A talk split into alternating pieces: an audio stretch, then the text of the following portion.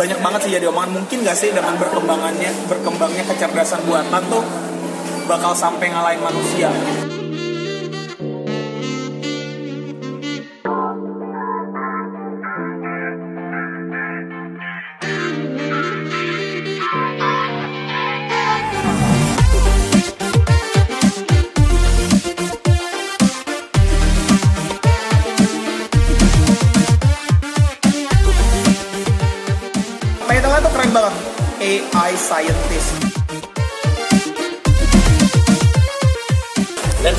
mau ngasih satu fakta lagi sih setelah itu, setelah uh, gue masuk Bukalapak dan di situlah baru ada role AI scientist.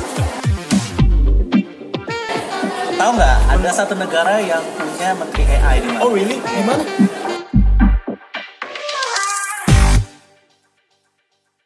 Halo, ini Mimin Yuza dari Ngotik. Hari ini sebagai mana yang udah dijanjikan kita bakal ngobrolin lagi sesuatu hal yang berhubungan dengan matematika di industri. Di mana topik topik kali ini adalah salah satu topik yang kalian pernah pilih waktu itu. Ingat gak sih waktu itu kita pernah nanyain kalau kita mau bikin topik obrolan ngotik live, ini kameramennya goyang-goyang. kalau kita mau ngomongin ngotik live lagi, ada tiga topik yang waktu itu diomongin. Satu, artificial intelligence. Dua, business analytics. Tiga, math education. Dan waktu itu emang yang number one itu AI Wow. gitu. Jadi waktu itu banyak banget yang tertarik sama artificial intelligence. So waktu kita udah tahu gitu kita langsung ngubungin salah satu teman kita orang yang kita kenal yang kita tahu itu rising star gitu ya kita nyebutnya. Di caption tuh kemarin Lebay, bikinnya lebay, apa sih lebay. Kayak sekarang tuh lagi karyanya tuh lagi banyak di appreciate lah sama orang di bidang artificial intelligence. Anak muda umurnya masih 25 Iya, betul. Iya, 25 tahun. Anjir gue lebih muda 25 tahun dan Udah kawin sekeren lagi. ini. Please welcome Afif. Halo guys. Iya. Oke Kenapa fit Oke, jadi kita hari ini bakal ngobrolin kita hari ini bakal ngobrolin cerita-ceritanya Afif tentang kenapa dia tertarik bergelut di ya dulu kuliah di matematika terus dia tertarik sama dunia artificial intelligence. Artificial intelligence itu apa sih? Gitu ya. Kan banyak banget jadi buzzword ya sekarang ya. Betul. terus jadi Apa uh, buzzword? Buzz Lightyear. Bukan ya? Oke dan uh, artificial intelligence dan Afif ini oh ya Afif ini sekarang lagi kerja di salah satu startup Emang masih startup? Oh udah unicorn. udah unicorn. Udah unicorn. Udah unicorn. Oke Udah sorry. unicorn. sorry sorry ya. Dia dia kerja di Bukalapak nah itu tuh keren banget. AI scientist. Wah gila. Jarang banget lo denger title kayak gitu. Jadi ntar Afif bakal cerita dia ngapain aja. Oke? Udah cocok jadi youtuber shall we start? Yes. Oke, halo Sure. Beb. Gila, gue kangen banget sama lu, kan lu jago nih matematik. Nah, biasa aja. Nggak, lu tuh sebenarnya gimana sih perasaan lu, pandangan lu terhadap matematika? Lu tuh sebenarnya suka nggak sih matematika? Dan kalau suka kenapa? Kalau enggak juga kenapa? Boleh nggak diceritain? Ya dulu memang basicnya gue sama Bang Yuza, Bang Berry di sini sama-sama dari lingkaran yang sama gitu, dari matematik. Cuman mungkin kita memilih mazhab yang berbeda-beda sehingga kita ada ini berbeda-beda. Ada yang fokus di pendidikan, ada yang fokus di mana? Lu di mana sih fokus? Gak punya fokus hidupnya Nggak punya fokus hidup gue ya? Jadi eh, jelas lah eh, pasti gue pribadi eh, sangat bergantung dengan matematik. Apalagi di kerjaannya sekarang gitu kan. Nah, jadinya eh, karena kebetulan dulu habis habis gue kuliah eh, langsung lanjut ke S2 Computer Science dan di situlah eh, gue bisa mulai eh, apa namanya mengimplementasikan matematik di yang namanya kecerdasan buatan itu. Oh bahasa Indonesia kecerdasan buatan ya? Betul, kecerdasan buatan. Artificial intelligence itu kecerdasan buatan. Sangat literal ya. Iya. kecerdasan buatan. Em, tapi berarti gini, Em, oke, berarti dia lu waktu lu mulai men, nge- apa sih? Lu mulai ngedalamin AI itu kecerdasan buatan itu KB KB eh, kecerdasan buatan tuh mulainya tuh kapan berarti ketertarikan lu itu muncul? Jadi mulainya dulu waktu pas S1 ya. awal udah dari S1 udah ya? dari S1 cuman S1 udah akhir-akhir jadi dulu Hmm. tuh awalnya eh, pas semester 3 itu kan ada eh, enggak semester semester satu malah ya Hmm. Eh, apa apa namanya tuh Dasilkom. Lupa, Dasilkom Dasar ilmu Dasilkom komputer. semester berapa tuh Satu. semester satu kan nah dari situ gue mulai mulai suka sama programming. Cuman kalau misalnya kita pikir programming yang konvensional itu kan kita harus me, apa ya me- menuliskan langkah-langkahnya untuk me- mencapai satu tujuan itu secara eksplisit eh secara eksplisit betul ya, secara eksplisit. Nah dan eh, akhirnya eh, waktu itu eh, ya gue mulai belajar programming programming. Nah waktu itu tahun 2014 kalau nggak salah. Eh, 2014 awal itu ada mata kuliah mata kuliahnya Pak Hendri itu web mining namanya. Web mining. web mining. Jadi di situ tuh eh, ada mata kuliah yang kita bisa melakukan penilaian sentimen gitu. Misalnya kita bisa lihat eh, Twitter misalnya kita lihat Twitter atau apa secara kalau misalnya kita berbicara kita berbicara Twitter gitu membaca satu Twitter yang sentimen itu kan manusiawi Hmm. tapi ternyata itu bisa diprogram dengan menggunakan kecerdasan buatan itu gitu. Contoh. contoh misalnya waktu itu 2014 itu kan zaman-zaman pilpres kan, Dan zaman-zaman Pilpres kan. rame, Twitter juga lagi Twitter lagi lagi booming banget iya, gitu. Twitter lagi booming banget. Ternyata ternyata ada penelitian, ada penelitian bahwa eh, saat kita melakukan analisis di sosial media itu ternyata dia lebih mendekati dibandingkan eh, survei-survei yang lain. Oh, Hasilnya mendekati real count. a- a- hasil apa nih? Hasil dari ini eh, pemilihan itu, Oh, hasil oke. pemilihan tuh lebih lebih lebih mendekati itu yang dari analisis Twitter dibandingkan yang dari eh, survei yang lainnya. Jadi ada survei-survei yang dilakukan pas lagi pilpres itu yang kayak quick count gitu-gitu, yang ditanya langsung ke orang-orang ngambil sampel gitu, itu lebih akurat.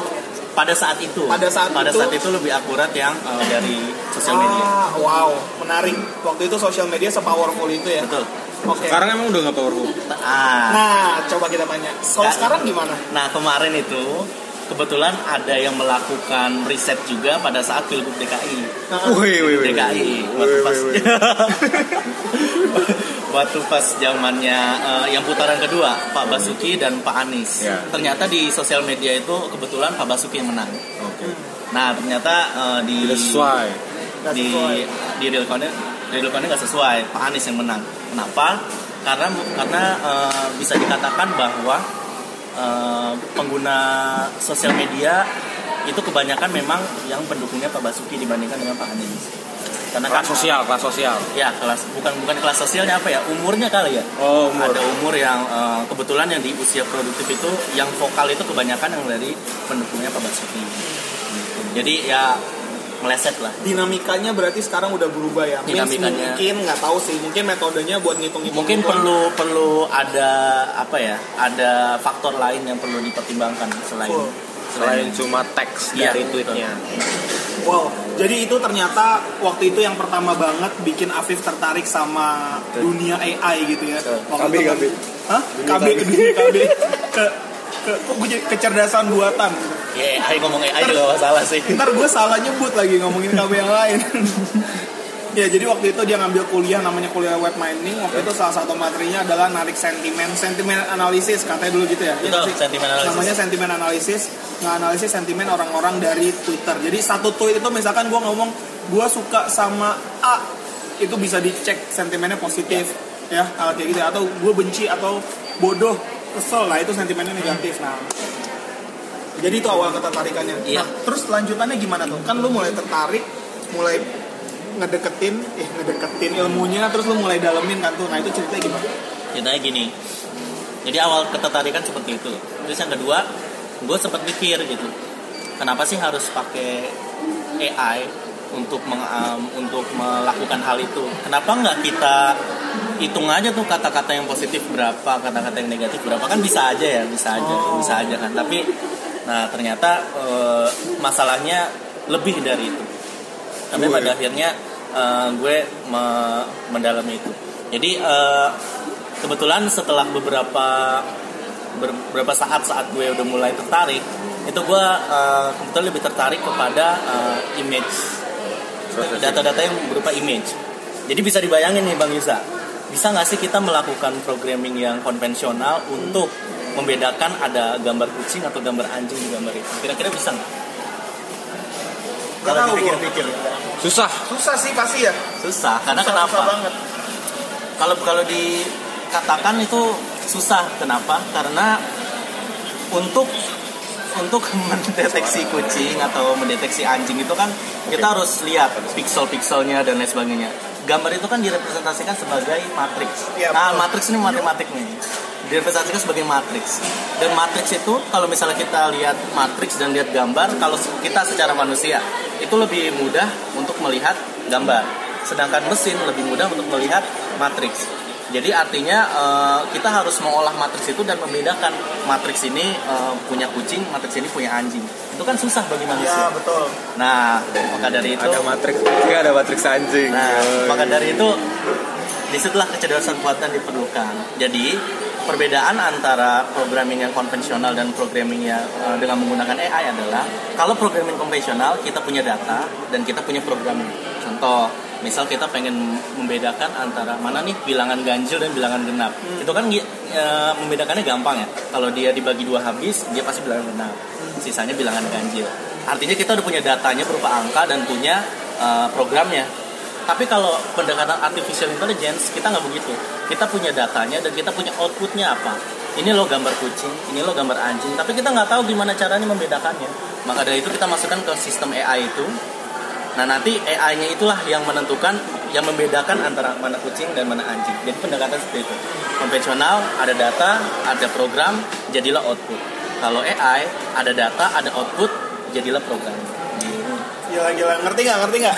Kalau ada yang nggak ngerti bilang aja ya tanya aja biar kita tanyain ke Afif. Gitu. Nah dari situlah uh, gue mulai tertarik. Akhirnya gue mulai coba-coba dengan uh, yang gampang-gampang dulu lah. Uh, misalnya membedakan antara tadi kucing dan anjing, membedakan jenis-jenis bunga dan lain sebagainya. Tentunya di kalau misalnya teman-teman uh, terbiasa dengan bahasa pemrograman Python, di situ udah ada library-nya scikit-learn. Nah itu udah gampang banget. Nah setelah kita udah bisa Oh, ja, gampang banget ja. Tuh. setelah kita menggunakan setelah kita menggunakan scikit-learn alhasil kita ini kan tertarik juga nih kok dia bisa membedakan seperti ini? Barulah kita masuk ke dalam metode-metodenya. Dan ternyata metode-metode di dalamnya itu matematik semua. Metode di dalam itu iya matematik semua. Gitu. Terus gimana perasaan lu waktu tahu itu ternyata matematik semua? ah ya artinya Makin senang? senang jadi Makin senang. makin banyak belajar dari situ. Yoi. tapi nggak? tapi Apa? kalau dari dari lu untungnya orang maksudnya eh, apa sih? Ke apa sih kelebihannya? Misalnya orang yang punya background matematika cukup gitu ya. Misalnya kayak lu nih S1 matematika. Sama misalnya ada yang eh, dari S1 udah fasilkom gitu. Tuh tuh ada bedanya gak sih sebenarnya jelas jelas ada bedanya. Jadi ini mungkin nggak berlaku untuk semuanya ya tapi kebanyakan kebanyakan. Saya juga pernah sering lihat orang yang dari ilmu komputer matematiknya jauh lebih jago dari, dari Contohnya? dan sebaliknya. Yang dari matematik yang komputernya Gue tahu nih komputernya jauh lebih lebih ini dari orang ilmu komputer. Tapi kebanyakan seperti ini. Kalau misalnya yang basicnya matematik itu kalau misalnya kita baca misalnya semacam paper atau buku yang ada formula matematik itu nggak alergi. Jadi ah ini ini mah sigma ini kan cuma penjumlahan a b c d e gitu kan. Atau ini kan cuma perkalian gitu. Berbeda dengan yang eh, komputer. Itu kalau ngelihat ngelihat ngelihat eh, formula itu kayak udah aduh ini apaan nih apaan gitu. Itu kekurangannya. Tapi kelebihan eh, ya itu kelebihan dari matematik dan kekurangan dari yang sebaliknya. Kalau misalnya dari Fasilkom itu otomatis dia udah banyak eh, teknologi-teknologi yang dia update gitu. Jadi semacam eh, bahasa pemrograman yang mungkin lebih update terus library-library-nya. Sedangkan yang matematik kebetulan tidak punya basic itu gitu. Jadi kalau misalnya yang dari matematik yang dari matematik yang ingin terjun ke dunia komputasi ini eh, konsekuensinya adalah harus banyak-banyak belajar yang mengenai teknologi yang ada di situ. Dan sebaliknya kalau orang yang orang komputer yang terjun di bidang ini harus belajar banyak matematik. Kayak gitu. Gimana kalau orang yang dari ini ya, ini salah satu, ini langsung aja ya. Ya. Salah satu pertanyaan yang kita dapat eh, dari teman-teman ngotik. sakit kesannya Ada- audiensnya banyak banget ya Yoi, ada yang nanya mana tadi? Ik, Bedew. ini nama aslinya siapa? Kayaknya Iqbal deh kayaknya deh. Iya. IQBDEW. Nah dia nanya, kak, gua gua tuh kuliah jurusan biologi murni, tapi gua tertarik banget sama AI, gitu. Nah, eh, apakah bisa dan kalau bisa langkah apa aja yang harus dikeluarin? Kan tadi kan kita ngomongin tentang mostly lulusan jadi sekarang ini kondisinya mostly orang yang berkecimpung di dunia AI kebanyakan anak matematika atau anak ilmu komputer gitu ya. Gimana dengan orang anak-anak dari ilmu lain? Untuk uh, terjun di bidang AI ini ada dua field sebenarnya, ada dua ada dua apa ya? Ada dua aliran lah. Nah, aliran takutnya salah. Ada dua ada dua ada dua jalan. Yang pertama adalah yang bagian researcher dan yang kedua adalah practitioner. Ah, Ya, kalau kita terjun ke practitioner, sebenarnya kita nggak perlu matematik amat gitu. Maksudnya kita nggak perlu nggak perlu sampai deep math gitu. Kita cuma sekedar tahu dia bekerjanya bagaimana, tahu bagaimana cara em, menggunakan API untuk membuat program ini, kita bisa. gitu. Kebetulan biologi di di di artificial intelligence juga banyak eh, riset-riset mengenai biologi. Contohnya ya bioinformatik atau bioteknologi misalnya. Bioinformatik kita misalnya bisa memprediksi DNA atau bisa memprediksi atau kalau di medik juga kita bisa membuat obat dari jaringan-jaringan obat gitu. Itu salah satu kebutuhan dari eh, riset AI ini adalah domain knowledge. Jadi kalau misalnya teman-teman domainnya memang biologi dan pengen me- menggunakan data-data biologi itu bisa banget. Yang perlu dilakukan adalah cukup belajar paling nggak tahu dasar-dasar Python dan tahu eh, metode apa yang yang dilakukan untuk mem- memproses data biologi kita. Contoh kalau misalnya kita pengen mem- mem- apa ya DNA sequencing. DNS jangan DNS sequencing. Oh, iya. Oke, DNS sequencing nggak boleh. Misalnya kita, misalnya kita pengen DNS sequencing gitu. Misalnya kita pengen lihat eh, suatu DNA, terus kita pengen membangun DNA yang mirip-mirip itu. Itu bisa misalnya pakai sequence eh, processing dengan menggunakan recurrent neural network misalnya. Misalnya contohnya seperti itu. Atau RNN. atau kalau misalnya uh, kita punya data uh, X-ray gitu. Misalnya untuk uh, otak gitu kita pengen mendeteksi mana yang kanker otak mana yang enggak. Itu kita pakai namanya convolutional neural network untuk memproses citra dari gambar-gambar itu. Nah jadi kita cukup cukup tahu aja oh ini metodenya CNN kita dalemin CNN terus kita cari API di Python udah banyak gitu. Udah kita pakai deh masukin ke sini banyak kok yang seperti itu. Jadi nggak perlu tahu secara mendalam itu uh, metode-metodenya karena untuk tahu secara dalam metode-metodenya itu udah satu field lagi. Jadi itu field scientistnya. Jadi uh, istilahnya apa ya? Kalau misalnya di matematik itu uh, yang suka nemuin teorema nah itulah yang di scientistnya si mesin learning. Nah, sedangkan yang kita misalnya pengen pakai teorema A B C nah itu taktiknya ya. Jadi kebanyakan itu uh, orang-orang dari berbagai field tuh sebenarnya apalagi sekarang ya. Iya. Semua field itu bisa banget disentuh. Tinggal nunggu aja siapa yang menyentuh field itu dengan Nah. AI. dan selalu siapa yang mau nyentuh field itu dan siapa yang punya data Siapa yang punya data benar. Wow. So buat Ik Ik Iqbal Instagramnya I'm sorry I don't know your name Hopefully Iqbal nggak tahu sih ya jadi kurang lebih kayak gitu jadi uh, basically it's okay kalau kamu dari jurusan biologi justru banyak banget hal yang bisa banyak banget case-nya banyak banget kasusnya yang bisa di, disentuh sama AI berarti tinggal kamu gimana uh, cari tahu gimana gimana uh, metodenya cari tahu gimana uh, programmingnya perlu juga nggak sih? Tergantung perlu ya sedikit. Perlu sedikit at least tahu tahu konsep. tahu. Cool. Wow. Hah? kenapa? Ya udah. Eh, Ah, ada yang nanya. apa tuh? Ban- eh, si siapa tadi namanya ya? Coba di scroll Oh ya, coba di scroll. Oke, sambil lanjut dulu. Ada, udah ketemu. Deng, deng, deng, deng, deng. Oh iya. Satrio, Satrio, Satrio. Satrio lagi. Oke, kalau ada yang mau nanya langsung aja. di sini. Banyak juga gue yang terinspirasi dari biologi ya kan Kak Afif. Betul. Karena eh, AI itu sendiri dia eh, apa ya? Pengen mereplikasi bagaimana cara otak manusia bekerja. Bagaimana cara manusia melihat, bagaimana cara manusia melihat mem- mengenal mengenal benda dari gambar. Itulah terbitlah convolutional neural network. Eh, bagaimana cara manusia belajar itulah yang namanya recurrent neural network. Sekarang kan recurrent neural network itu kan series. Coba saya mau nantang Bang Yusa. Bisa nggak? Enggak, bisa nggak? eh, Ngapain? ngurutin update dari A sampai Z bisa kan? Bisa. Kalau sebaliknya bisa. Susah Z Y X. Oh, Z Y X W V Iya, ini harus- harus- harus kayak gitu. R. P susah kan? Nah itulah recurrent neural network. Kenapa? eh, makanya recurrent neural network itu belajar dari eh, urutan dari itu kan dari cara belajar manusia itu Iya, kan? iya. Yang kayak gitu. brilian so jago ya. Gak cuma jago wawasannya juga luas banget. Jadi, jadi pas banget kita belajar sama dia gitu gitu gitu gitu. So tadi apa sih? Oh tadi udah ya si Satrio nanya. Ya thank you Satrio pertanyaannya keep them coming. Pertanyaan-pertanyaan. Ya udah tadi kita eh, terakhir kita ngomongin apa ya sebelum masuk pertanyaan ya? Oh ya ketertarikan lo dan gimana lo ngedalamin ya? Iya. nah sekarang ngomongin karir nih. Kayaknya kayaknya Afif ini kan lagi menanjak banget karir. Jadi kalau kalau kalian punya Instagram atau kalian punya LinkedIn eh, follow aja dia Afif Instagramnya Dot. Afif dot AI. AI gila. Jadi ini unik ini hoki banget ya. namanya tuh Afif Akbar Iskandar Afif AI Afif dot AI gila itu tuh kayak takdir gitu Iya, Takdir dari- sih? dari lahir udah takdir, dari lahir tuh kerjanya jadi AI. jadi AI scientist namanya aja udah Afif AI Ya, so just follow him on Instagram especially karena dia sering banget update banyak hal tentang uh, aktivitasnya dia. Uh, karena karirnya ini lagi sangat menanjak. Asik. Dia lagi banyak banget sharing. uh, dia lagi banyak banget ngerjain project-project kayak Yang nggak penting kalau kata Berry. Mengerjain sesuatu yang nggak penting kalau kata Kalau kata Berry nggak penting. Kalau menurut kalian nggak penting nggak apa-apa. Kalau menurut kalian penting nggak apa-apa juga. Jadi kalau ada yang tertarik follow aja dan uh, banyak banget aktivitasnya di LinkedIn juga connect aja. Banyak banget dia sharing sharing. Nah makanya nih gue pengen tahu gimana sih karir lo sekarang. Gimana lo memulai karir di bidang ini dan how's it going gitu sampai sekarang berkembangnya kayak apa gitu.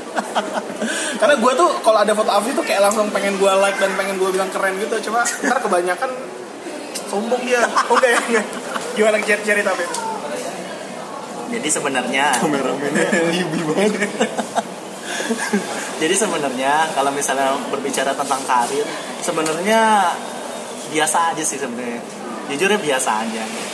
Cuman yang membuat berbeda adalah mungkin karena gue pribadi seneng banget sharing.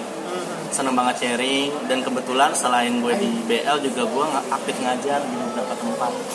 Ngajar apa tuh? Ngajar machine learning Ah, AI. oke. Itu juga gitu. yang diajarin siapa Hah? yang diajarin yang diajarin ya yang tertarik aja gitu ada yang uh, sekarang jadi data scientist ada yang founder juga founder apa ya pinjam dot pinjam. Bukan bukan bukan bukan pinjam punya bang Sofian Adi Wijaya bukan? Oh bukan. pinjam pinjam eh punya teman punya teman. Punya teman kalau misalnya teman-teman tahu punya teman. Nah itu eh, itu yang membuat berbeda paling jadi awalnya ya itu tadi karena gue mulai tertarik di tahun 2014 itu gue ngoprek-ngoprek sendiri. Nah ini nih yang menjadi catatan. Jadi kalau misalnya teman-teman tertarik terutama di bidang programming misalnya artificial intelligence atau misalnya nanti di kriptografi dan lain sebagainya I don't know Nah, teman-teman itu harus ngoprek sendiri gitu. Kenapa? Walaupun teman-teman kursus gitu, kursus kursus bagus. Kalau belajar di YouTube bagus, belajar di So annoying. belajar di video bagus, belajar di yang berbayar bagus. Tapi yang paling penting dari belajar itu adalah coba sendiri. Gitu. Jadi kalau banyak orang yang belajar kursus dan sebagainya nggak nyoba sendiri percuma. Jadi belajar sendiri. Nah itu gue coba belajar sendiri, belajar. Terus eh, kalau misalnya ada ada yang baru-baru dicoba, dicoba, dicoba. Ya dengan data mereka yang sama coba nggak masalah gitu.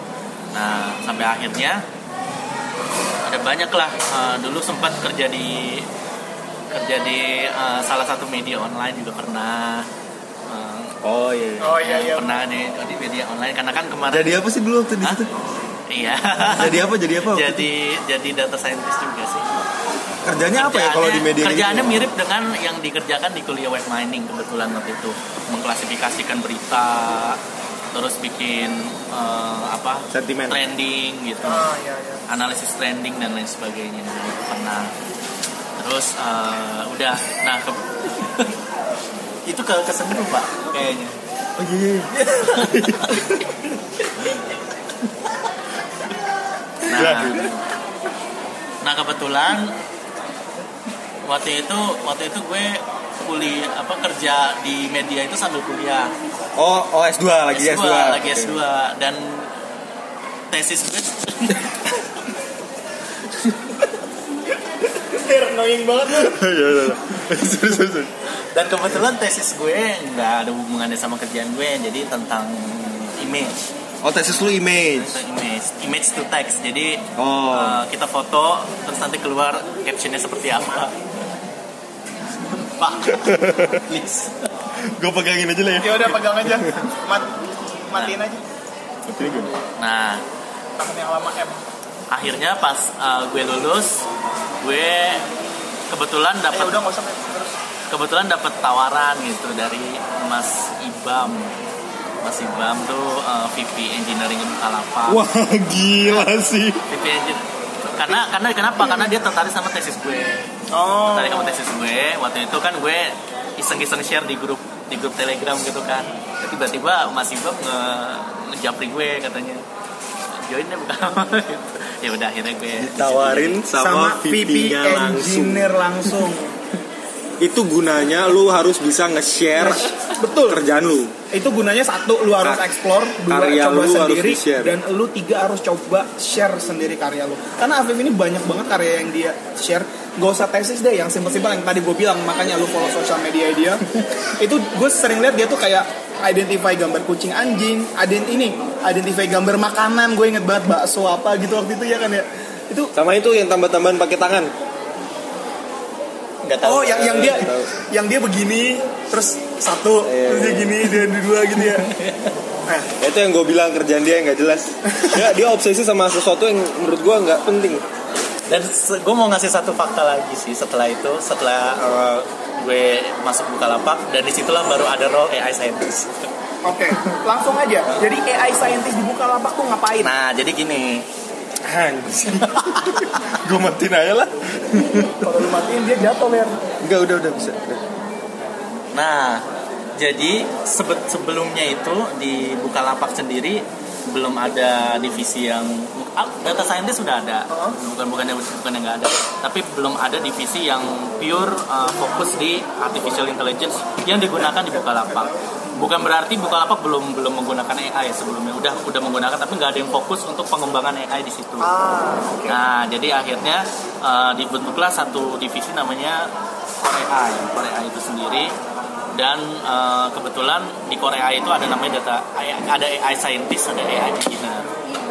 AI scientist kerjanya ngapain? Kerjanya adalah sama kayak kalau teman-teman ngerjain tesis atau ngerjain skripsi, baca paper, implement, baca paper, implement nanti kalau misalnya udah udah bagus, metodenya bagus, bikin paper, bikin public.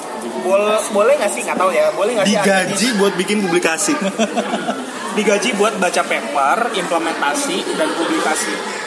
enak banget hidup lu ya Ya kalau yang kayak nggak, nggak cuman itu, nggak cuman itu, itu juga eh, ya nanti nantinya metode itu dipakai buat production di Bukalapak. boleh nggak ada yang dikasih contoh satu gitu implementasi lo yang Ya. simpel aja deh. Ah, ada. Jadi kan kebetulan gue kerja di image. Jadi eh, gue kemarin bikin objek detektor sama teks detektor gitu untuk untuk eh, melihat kualitas dari gambar yang upload. Karena kebetulan kan Bukalapak itu kan siapa aja bisa jual kan. Iya betul. dan fotonya kadang-kadang tuh nggak nggak sesuai dengan itu nggak sesuai jadi kita butuh semacam penilaian dari gambar itu penilaian gambar kan nggak nggak gampang ya. karena eh, kita pengen lihat di situ teksnya banyak apa enggak terus eh, foto gambarnya tuh kelihatan jelas apa enggak barang yang dijual belum lagi kalau misalnya nih eh, kita jualan HP kita taruh sini terus ada minuman gitu Kelihatan nggak nih minumannya? Nah, kayak gitu jadi kan ini ini kan mengganggu minuman ini sebenarnya dan sebagainya Wow. berarti lu bisa tag teks terus barang di belakang itu sama kualitas gambar terus bisa dibagusin gitu Iya, bukan dibagusin sih. Itu cuma semacam ini aja, semacam scoring aja. Sama sel- sel- selanjutnya bisa sih di jadi yang bagus-bagus nanti munculnya di atas gitu Betul. Ah, mungkin juga ntar kayak bisa dipakai buat ngasih feedback ke user. Iya. Kayak misalkan waktu ngupload gambar, skor lu sekian gitu. Ya. Ya, tolong upload lagi yang lebih bagus kan biasanya kayak gitu Iya, bisa kayak gitu bisa banget. Ini gila anak broteker banget Yo surah lu. ya kurang lebih kayak gitu kan. Iya. Cool. Dan sebenarnya ya eh, banyak pengembangan-pengembangannya gitu. Kalau kalau misalnya kita lihat eh, visi kita kan sebenarnya ke depan gitu jauh gitu. Nah, eh, kita ngelihatnya sama e-commerce e-commerce yang udah tinggi misalnya Amazon. Amazon sendiri kan punya drone ya? Punya drone buat nganter barang tapi nggak tahu sih itu masih beta kayaknya. Nah di dalam drone itu kan ada kamera terus ada eh, kamera itu kan. Nah kan kamera itu kan bisa mendeteksi objek mana pohon mana jalanan yang bisa dilewati nah itu kan juga butuh eh, image image apa sih Recognition. analysis Image kayak analysis. gitu image analysis tapi nggak tahu juga sih di Indonesia bisa ada drone apa enggak karena jangankan drone layangan aja di apa lewat dilempar batu kan gitu ini kenapa nih Tapi tapi kalau misalnya one day itu bisa terjadi gitu ya. Betul? Kemungkinan regulasi kita bakal selalu terlambat gak sih? Nah, Nah, ini juga harusnya regulasi dari pemerintah itu juga harus update dengan teknologi yang kita punya gitu. So, siap, so kita mungkin aja nanti ada yang namanya SIM drone kan gitu kan kata. Sim drone tuh. SIM apa? Jadi eh, surat izin mengendarai drone SIM, bisa jadi kan? Nah kayak gitu. Jadi memang harus update itu apa eh, regulasi pemerintah juga harus update dengan teknologi yang kita punya. Mungkin sih. pemerintah perlu ada AI scientist. mungkin mungkin pemerintah- ada menteri ya. Iya, gue baru mau bilang men- mungkin pemerintah butuh menteri AI. Tahu nggak? Ada satu negara yang punya menteri AI di mana? Oh really? Iya. Di mana? Di- Gak tau, gak pernah dengar. Ada di Uni Emirat Arab. Wow, Dia menteri AI pertama di dunia. itu baru baru. Ah, tahun kemarin atau dua tahun yang lalu. Dia ngapain itu kerjaan? Nah, saya juga kurang tahu. Oh iya, iya. oke. Jadi kalau kalau ada yang masih pen, kalau ada yang penasaran, ini info baru sih, gue juga baru tahu. So I'll definitely Google it after Ya. dari sini. Google aja, ada menteri AI pertama di dunia. Arab tuh Saudi. UAE. Uni Uni Emirat. Uni Ini Emirat Arab bukan Arab Saudi. That's the same. Nggak ya? Bukan. Enggak, beda. Beda ya. Saudi bener, Arabia bener. itu UEA tuh kemarin yang ngalahin Indonesia waktu Asian Games. Iya. Saudi Arabia juga. Eh, nggak tahu juga. Nggak itu beda pokoknya. beda, beda, beda. Saudi Arabia tuh yang Dubai.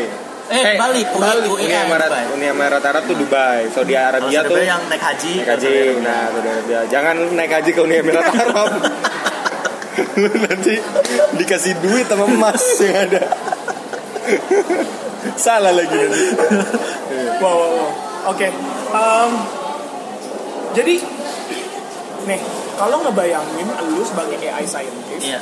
itu kayak a day in life-nya ngapain sih? Kayak lu pagi itu bangun tidur, eh, sarapan telur setengah matang, terus di kantor tuh lu ngapain sih sebenarnya? Sama aja, sama aja kalau activity-nya tuh apa sih? Ya, itu yang tadi gue bilang kerjaannya ya tiap hari eh, tergantung sih tergantung pemerintah pemerintahan Pemerintah. tergantung Kerja jadi tergantung pemerintah. tergantung permintaan Kalau pemerintahnya ganti, kerjanya ganti. ya kita kerjanya sama kayak engineer pada umumnya sih misalnya ada tas juga di di Jira gitu misalnya nanti kita kerjain di situ sama aja persis Jadi pagi, pri- jadi anak-anak teman-teman follower ini nggak tahu jirap ya. oh iya ya apa ya itu ya Pagi namanya? itu Yang ini juga nggak tahu nih. pagi itu berarti kayak lu meeting gitu biasanya atau Oh. prioritas prioritas tas gitu ya prioritas kerjaan apa sebenarnya aja kalau kalau di tim gue pribadi meeting tiga hari sekali sih oh tiga hari sekali jadi Tiga tapi hari. pokoknya lu tiap hari tuh kayak ngelihat apa aja Iya. di Jira itu kayak project management board gitu buat ngatur Kayak Trello ya? terus kayak Trello, Kayak Trello, gitu. betul. jadi kayak pagi itu lu buka tugas ada apa aja Iya. terus ngambil satu harus terus kerjain. kerjainnya tuh apa ya kayak Can you give us more detail kayak lu udah depan laptop ngoding atau ngapain atau googling biasanya sih begini kalau misalnya kerjaannya itu eh, adalah misalnya ini coba dong bikin eh, misalnya semacam pembaca teks gitu. Jadi eh, text extraction dari gambar gitu. Langkah-langkahnya apa? Bikin detektornya dulu bikin dari detektornya nanti dipotong terus dibaca gitu. Nah itu awalnya tuh kita text detektor nah terus eh, kita lihat akurasinya berapa dari data itu. Nah itu kita improve akurasi dari situ. Tapi kalau data setnya sendiri tuh kalian biasanya bikin sendiri? Nah. Atau kan itu kan butuh label juga kan? Maksudnya itu di yang dari gambar teksnya sebenarnya apa? Kebetulan ada ya kita yang pertama label sendiri ada. Terus yang kedua kita butuh bantuan pihak ketiga ada. Terus kalau misalnya ada intern suruh ngelabel-labelin ada juga oh jadi kalau intern di Bukalapak kerjanya Nggak juga. labeli jadi kalau apa Nggak, kerjanya nggak nggak juga, nggak juga, nggak juga. Tapi ada beberapa yang, misalnya intern lagi kosong, minta bantuin itu. Daripada kosong kan waktunya. jadi ada effort manual juga ya Iya jadi, betul. Harus ada, harus ada. ya harus ada pasti sih. ada pasti ada pasti ada wow cool oke em, kita masuk sesi tanya jawab sih jadi dari dari tadi ya dari semalam tadi pagi gitu kita uh, ngumpulin pertanyaan dari teman-teman uh, followernya ngotik. Dan ada beberapa pertanyaan yang masuk. Thank you banget udah yang udah nanya. Um, ada tadi yang udah sempat dibahas satu tentang yang anak biologi tadi. Ya. Um, kalau kalian masih ada pertanyaan yang belum disampaikan langsung aja tanya di sini. Nanti kakak Berry tolong dibaca ya. Oke ini Ada ada yang online berapa nih? Sekarang tujuh, Oh, lumayan. delapan. 7 Ronaldo C nggak penting dari Satrio nih Pro Bet Eh, gimana? Ini lu sambil jelasin juga ya. Ini Ya. dia ngomongin tentang ML conventional machine learning conventional versus deep learning. Oke. sebenarnya ma- machine learning konvensional Kita masih lagi ngomongin AI, kenapa jadi Nah makanya coba dijelasin Oh. itu tuh apa aja gitu. Kan sekalian karena sekalian dijelasin gitu banyak banget kan kata-katanya. Artificial intelligence, machine learning, deep learning, bla bla bla, data science segala macam mungkin bisa sekalian dijelasin uh, dengan singkat dan kalau pertanyaannya gini nih ML, uh, machine learning konvensional tuh masih bisa keep up nggak sih dengan keberadaan deep learning sekarang itu lo gimana? Jadi gini, tadinya kan topik kita artificial intelligence. Apa sih hubungannya sama machine learning kan? Kalau misalnya kita gambarkan diagram Venn, tahu diagram Venn kan ya teman-teman ya?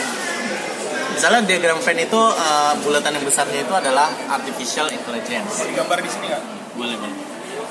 Wah gila, canggih banget. Jadi ya teman-teman, jadi misalnya uh, ini gimana? Ini kena tangan nggak apa-apa? Nggak apa-apa. Hmm, canggih nih. Nah, misalnya ini bulatan besar nih, ini AI. Nah, kalau misalnya orang-orang ngomong AI, AI dan lain sebagainya, sebenarnya orang ngomongnya yang di sini. Nah, itu adalah machine learning. Machine learning itu kayak semacam otaknya AI. Jadi, kalau misalnya kita lihat banyak ba- banyak AI sekarang misalnya kayak semacam Siri gitu kan. Siri, Google Assistant. Google Assistant ya. Gua gua tim Google Assistant. Oh, I see. Google Assistant. Itu kan dia asisten ya. Cuman otaknya itu gimana? Gimana caranya dia misalnya proses eh, voice ke voice ke teks gitu misalnya. Atau dia chatbotnya. Ini tuh semuanya machine learning. Ini semuanya itu machine learning. Nah, sisanya itu adalah lanjut. Lanjut. Oh ya. Terus sisa engineering staff yang yang nantinya eh, jadi satu yang di sini yang di sini sini tuh kayak engineering staffnya atau misalnya dari dan lain sebagainya. Nah itulah nanti jadi AI. Nah di machine learning ini di dalamnya ini ada yang namanya deep learning. Nah sekarang kita mau lihat nih. Di dalamnya nih yang kecil Ya, nih deep learning ah. nih. Jadi bedanya antara Yang ini deep, nih. antara deep learning Oh. sama machine learning itu apa? Sebenarnya deep learning itu iya machine learning. Gini ya, ya eh enggak deh, enggak ada gini ya. Machine learning gitu kan ya? Eh enggak kebalik kebalik. Ah, bikin malu. Machine learning terus ini deep learning gitu. Jadi Terbalik Bener, bener tadi. udah bener yang tadi. eh bener yang tadi. bener ya? ya ya gitu. Udah lama maaf. Iya. Machine learning. Nah, Emang gini bener ya? Iya, Bener bener. Benar. Subset? Subset. Ah. nah, terkadang tapi orang ngomongnya eh, machine learning itu adalah yang di luar deep learning. Nah, makanya itu yang di luar deep learning itu biasa disebut dengan machine learning konvensional. Ya, nah, ini bisa dihapus? Bisa Nah, bisa dihapus. Jadi gini ya, kalau gue coba simpulin ya. Hmm. Nggak usah lanjut aja, nggak usah dihapus. Oh iya juga. Eh, eh, boleh pak, boleh. Hah? Boleh ya? Posisinya maksudnya. Oh iya maaf.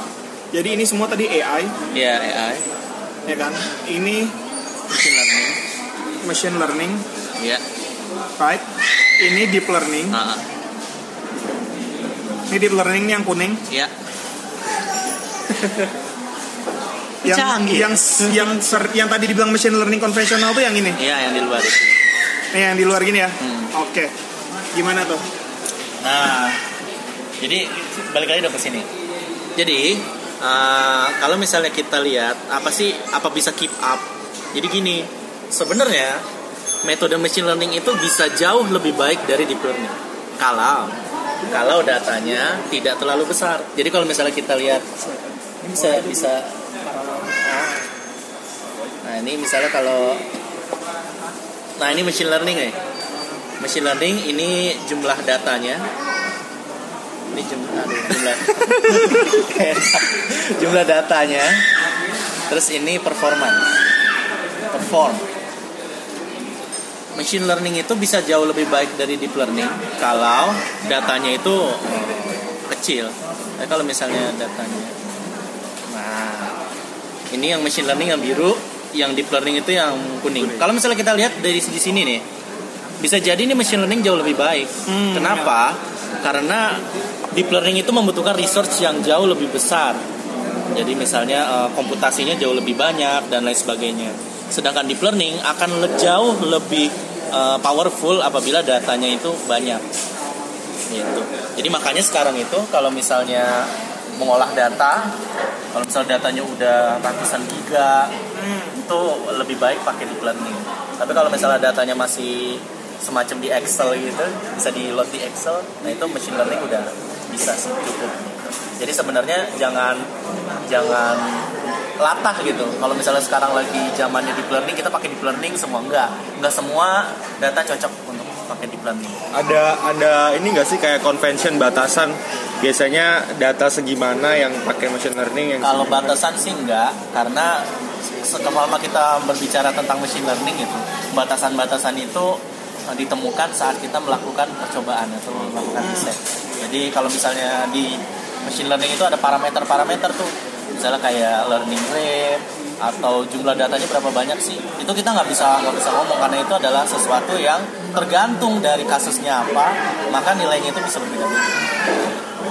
Jadi masalah keep up, machine learning konvensional dan deep learning bisa, masih bisa. Tapi kalau misalnya datanya udah jauh lebih banyak dan machine learning udah stuck ininya performanya, maka deep learning yang jadi pilihan.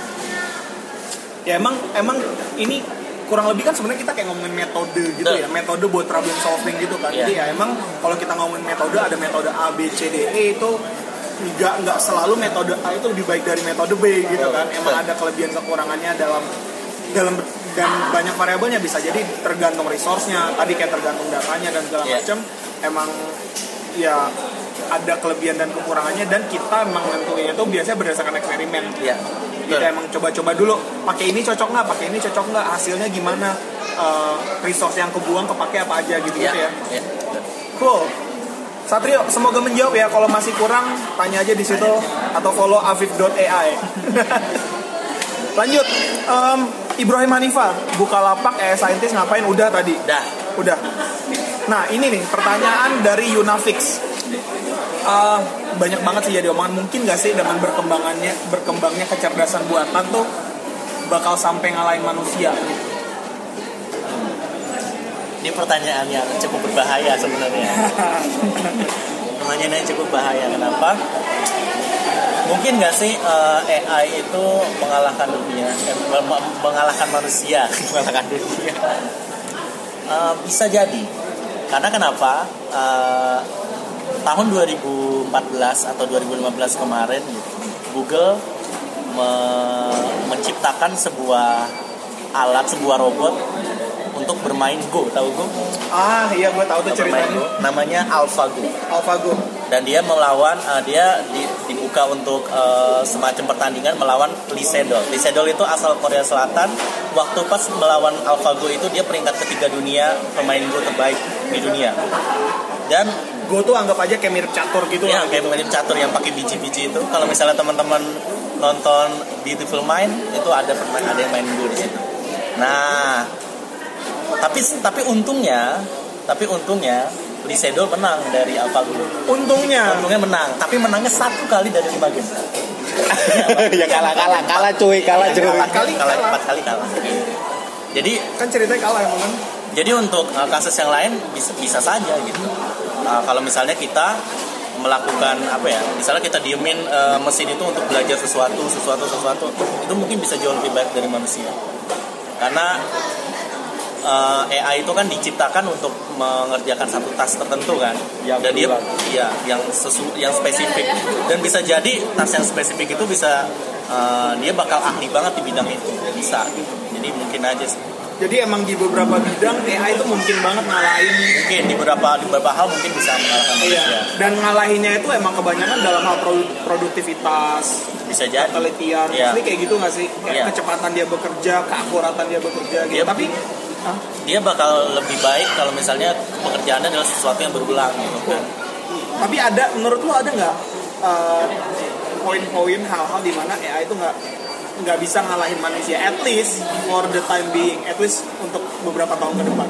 Sejauh ini sampai sampai kita sampai kita pensiun lah seumur umuran kita pensiun lah minimal gitu. Eh, sejauh ini manusia itu eh, jago baper ya. Jadi mungkin mesin nggak ada yang baper itu sih jadi menang di perasaan Iya.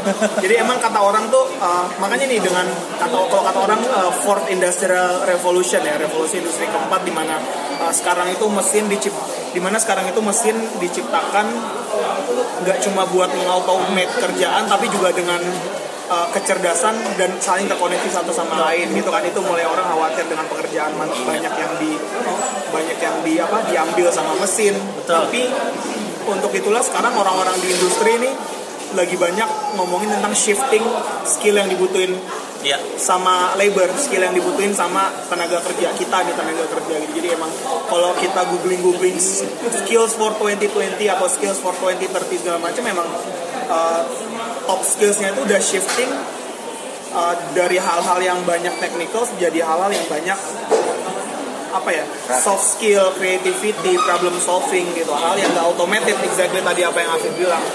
Gitu. So uh, banyak banyak banget juga TED Talk yang kalau kalian lihat sekarang ngomongin hal ini dan semuanya rasanya sampai sekarang agree bahwa ya kalau kita nggak mau dikalahin quote and quote sama mesin uh, ya yang harus kita tingkatin adalah skill human kita gitu. Human skill kita yang banyak melibatkan feeling creativity karena kemungkinan kalau misalnya pekerjaannya repetitif pekerjaan repetitif kemungkinan industri itu jauh lebih eh, memilih membeli sistem kecerdasan yang mahal sekaligus tapi dia bisa lakukan ulang-ulang dibandingkan eh, menggaji sesuatu eh, pekerjaan yang berulang-ulang gitu. Maksudnya kan? Iya, Nah, paham. Oh, oke. Yuna semoga terjawab ya. Apakah Yuna khawatir pekerjaan Yuna di masa depan diambil sama mesin? Karena nih anaknya masih kuliah. Dia takut kayaknya waktu lulus sudah nggak ada kerjaan. Oh enggak, enggak tenang aja. Selama kita, makanya yang paling penting adalah upgrade kita, diri kita supaya jauh lebih inovatif. ya. Wah, gila, gila, gila. Inovatif tuh tagline-tagline apa gitu ya? Produktif, selaras, inovatif. Menang sombong. tagline ini produktif, selaras, inovatif tuh tagline himpunannya dia. Dulu dia nih ketua himpunan. Ya gue udah pinter ketua himpunan. Waduh. Jok dapur. Um, tadi kita sempat ngomongin regulasi nggak? Ini ada satu pertanyaan terakhir nih tentang regulasi kak. Perlu nggak sih dibuat regulasi gitu biar AI itu nggak kalau yang gue tangkep ya ini pertanyaan tuh kayak biar AI itu ada batasannya lah biar dia nggak terlalu berkembang sampai ngambil pekerjaan manusia menurut lu gimana? Kalau di Indonesia sih sejauh ini eh, penerapan AI masih di masih di level aman sih karena memang pekerjaan-pekerjaan yang AI yang AI base itu masih ya kayak misalnya chatbot lah atau misalnya masih di dalam internal industri jadi masih masih aman dan masih belum butuh regulasi menurut saya ya tapi mungkin di depannya misalnya kalau misalnya Indonesia punya punya industri se- selevel Facebook yang waktu itu pernah bikin bot pernah tahu nggak Facebook bikin bot Yang dimatiin. ya dimatiin gara-gara dia bisa ngomong sendiri nah itu mungkin mungkin Gimana gimana kan ceritanya? Ayo ceritain ceritain. jadi Facebook itu punya research lab. Jadi mereka buat robot, membuat sebuah robot gitu, dua buah robot malah. Nah ternyata pas dinyalakan gitu dan dibiarkan dia belajar belajar belajar ternyata dia bisa membuat satu bahasa sendiri jadi dia dia berdua tuh melakukan dialog yang manusia nggak ngerti dia ngomong apa tapi tapi bagi mereka itu sesuatu yang optimal gitu nah jadi eh, kemungkinan kalau misalnya itu nggak uh, di stop kemungkinan bisa jadi sesuatu yang berbahaya menurut menurut Google eh, menurut Facebook mungkin. Jadi kalau misalnya nanti Indonesia ada di level itu kemungkinan butuh regulasi. Jadi kemungkinan mungkin butuh menteri tapi nggak punya regulasi. ini iya ini, jadi ini kayaknya Bapak Afif ini sambil kampanye dari sekarang gitu ya buat jadi menteri AI di masa depan which is good Amin amin. amin kita amin ya oke em, udah ya gitu ya berarti Udah. oke ada pertanyaan lagi nggak aman. belum ada pertanyaan lagi ya Bacain dong komen-komennya ada nggak? AMD banget WKWK. Siapa tuh? Guntur. Mantap bang. Ketawa-ketawa terus. kok ini banyak ketawanya gara-gara kamera yang nggak jelas WKWK, tadi Oh ya? iya WKWK. Udah. Keren. well yaudah kalau gitu Oke. eh, segini aja kali ya ada ada ah, buat future aspiring AI scientist yang ada di luar sana. Ah, Jadi gini. Gue mau ngomong apa lupa. Apa nih? Pesan, Apa pesan. tadi pesan? Oh, pesan. Lu kalau mau promosi bahwa anak muda sekarang ayo jadi AI scientist juga apa-apa. Enggak. Ya, gue mau ngasih tips aja. Kalau misalnya teman-teman yang baru pengen belajar eh, belajar machine learning atau AI, gini. Misalnya teman-teman belum tahu apa-apa, gitu. maksudnya belum tahu apa-apa dan pengen belajar. Maka tips dari saya adalah jangan mulai dari metodenya langsung. Nah, Jangan jangan mulai dari metodenya langsung. Karena kalau misalnya teman-teman mulai dari metodenya langsung, misalnya salah satu metode machine learning adalah SVM. Teman belajar SVM. Nanti ujung-ujungnya lupa ngapain. Nah, gitu. Jadi pertama yang pertama kali adalah implementasi langsung. Jadi sekarang sudah banyak API, kita tinggal pakai scikit-learn. Misalnya mau SVM, mau naik bias itu tinggal langsung pakai. Jadi eh, pertama dari situ mulai. Nanti kalau teman-teman sudah mulai, uh ini kok bisa memprediksi A ya, bisa memprediksi B ya. Gimana sih cara kerjanya? Baru mulai ke, ke metodenya from scratch. Nanti setelah udah metode from scratch, udah udah udah udah jago beberapa metode, teman-teman harus update, harus update ilmu teman-teman dengan cara menonton video atau baca paper. Salah Dan dan dan follow. dan follow. Sal- tak, belum, belum. Oh belum belum belum belum. Salah satu eh, video YouTube yang saya sarankan adalah videonya Siraj Rafa. Siapa siapa? Siraj Rafa. Oh Siraj Kafa. Gua nggak tahu. Rafal. Siraj Rafa. Tulis dong. Terus dikasih lihat ejaannya. Nah, Siraj Rafa. Ini dia orang orang India Orang yang India nih kayaknya. orang India yang tinggal di Belanda tapi bahasa Inggrisnya fasih. Dia eh, cukup update. Itu channel YouTube ya. channel YouTube. Ini kalau misalnya ada metode-metode baru di machine learning, dia selalu me- menyampaikannya secara mudah sih menurut saya. Ini yang paling yang paling bagus, channel yang paling bagus. Dan doakan, saya juga sedang membuat channel YouTube. Jadi mungkin sebentar lagi. ya. Namanya apa namanya? belum tahu ntar kalau mau tahu eh, ya jangan Nanti lupa bisa follow, kolaborasi follow kita. Instagram gue @afif.ai nanti di situ akan ada akan ada. Tapi mungkin itu aja. Oke, sip. Thank you banget ya, Beb ya. Gila, gua gua sendiri juga banyak. Hah? Apa? Apa? Rapet. Oh iya, gue gue seneng banget sih gue satu udah nggak ketemu Afif. Dua gue belajar banyak banget hari ini karena gue sendiri juga tahu tentang AI itu kayak ya kulit kulit kulit lepehan gitu kan. Ya Jadi- gitu lah. Nggak, beneran jadi gue gue gue banyak kebuka juga dari ngobrol sama lu hari ini gitu. Jadi gue harap nggak cuma gue yang dapat manfaat dari obrolan hari ini, gue harap juga teman-teman yang dari tadi join uh, dari awal banget, apalagi yang udah join dari awal, thank you banget. Semoga bermanfaat buat kalian. Um, stay tune. Uh, kita bakal ada lagi ngotik live dua minggu lagi. Temanya apa? Business analytics. Kita bakal ngundang salah satu orang yang um, oke juga di bidang bisnis analytics siapa? Tungguin aja pengumumannya. Makanya follow terus ngobrol matematika dan like dan subscribe. Enggak ya enggak subscribe ya. Kalau di ini Ajak teman-teman, ajak teman-teman. masih follow aja gitu. Dan sering ajak teman-teman kalian uh, buat follow ngobrol matematika tag teman-teman kalian di postingan kita share di story kalian dan segala macamnya. So hopefully kita bisa terus bermanfaat. Thank you for watching. See you. Bye bye bye